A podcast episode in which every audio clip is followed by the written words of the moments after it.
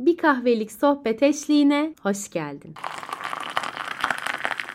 Bulunduğumuz ortamda bazı insanlar bir diğerini ezmek isteyebiliyor. Rencide etmek, küçük düşürmek, ona kendini yetersiz hissettirmek isteyebiliyor. Böyle durumlarda neler yapmalıyız? Bugün bunlardan bahsedeceğim. Olur da eğer maruz kalırsan diye. Şimdi sevgili dostlar, arkadaş arkadaşı ezebiliyor bazen. Sevgili sevgiliyi ezebiliyor. Eş eşini ezebiliyor. Biliyorsunuz ki bizim kültürümüzde gelin kaynana, gelin görümce ne yazık ki bu tarz durumlarda da ezici davranışlar olabiliyor. Şunu sorabilirsiniz. Tuğba Hanım evet böyle çok var. İşte ben kendim açıkçası bunu yaşıyorum. Ya da yakın bir arkadaşım ya da yakın bir tanıdığım bunu yaşıyor. Ya da duyduğum bildiğim var. E neden insanlar bunu yapıyor ki yani? E, hepimiz insanız, eşit değil miyiz? Bunları yapmaya ne gerek var diyor olabilirsin. Ancak herkes senin gibi düşünmüyor. Öncelikle bunu sana hatırlatmak istiyorum. Ezme davranışının altında ne var biliyor musun? Aslında ezen kişinin yetersizlik duygusu var.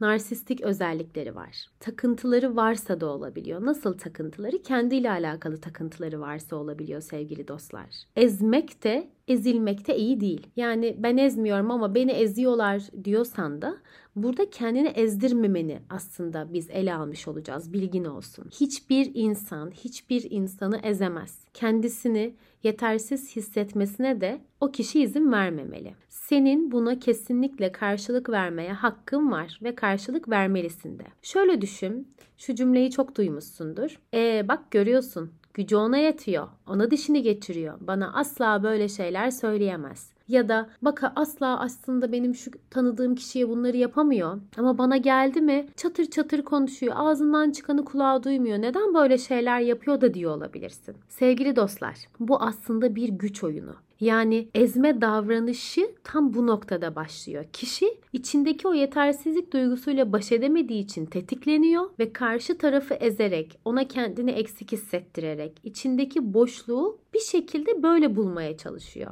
Yani kendiyle yüzleşmek istemediği için karşı tarafı yetersiz hissettirmeyi amaçlıyor bilinçli bir şekilde. Ne yapıyor? Küçümseyebiliyor, karşı tarafla alay edebiliyor, rahatsız edebiliyor, rencide edebiliyor. Peki insanlar ne zaman ezmeye çalışır? Birincisi karşındaki kişi haklı olamadığını hissettiği zaman ve seni ikna edemediği zaman çirkinleşebilir tavırları. Yani orada e, sen de anca zaten böyle şeyler söylersin. Senin davranışını ben kesinlikle doğru bulmuyorum çünkü çok yanlış. Tek bir doğru var diyerek böyle ses tonuyla alay eder, küçümser. Siz bunu hissedersiniz onunla iletişim anındayken.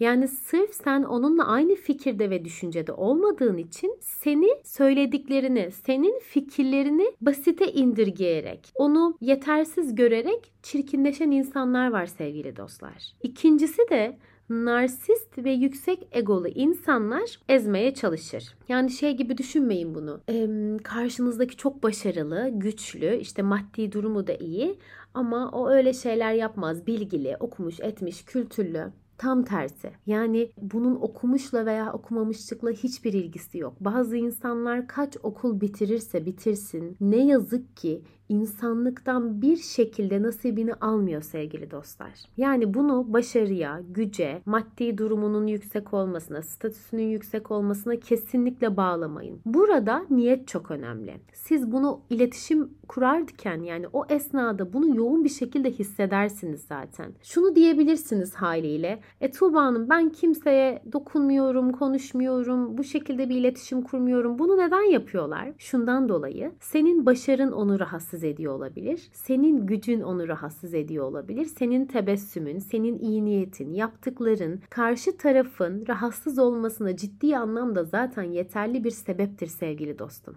Yapamayan insan eleştirir. Bir eleştiri vardır sınırları aşmadan. Bir de diğer bir eleştiri karşı tarafın kişiliğini ezmeye çalışır. İşte bu tarz insanlar karşı tarafın kişiliğini ezmeye çalışarak aslında eleştiri adı altında küçümser. Bu noktada kesinlikle şunu yapmalısın. Hemen cevap vermek zorunda değilsin. Biri sana bir ithamda bulunduğunda dur ve sadece tebessüm et. Başkaları ne der, el alem ne der düşüncesiyle sakın kendini orada durdurma. Söyleyeceğin sözü söylememezlik yapma. Fazla saygı senin itibarını düşürür. Bunu sakın unutma. O yüzden susmak saygı göstermek demek değildir. O an mutlaka ona karşılık vermelisin. Ve şunu da unutma. Onaylanmaya ve kendini beğendirmeye, ikna etmeye sakın çalışma. Orada eğer açıklama yaparsan bak aslında hayır ben şunu anlatmak istedim, şunu söylemek istedim davasına girersen kaybedersin. Bu benim fikrim. Fikrime saygı da duyabilirsin, duymaya da bilirsin. Ancak bu benim fikrim, bilgin olsun şeklinde onu durdurmalısın. Net olmalı ve fazla düşünmemelisin. Fazla düşünme sürecine girersen orada da aslında kendini aşağı doğru çekmiş olursun.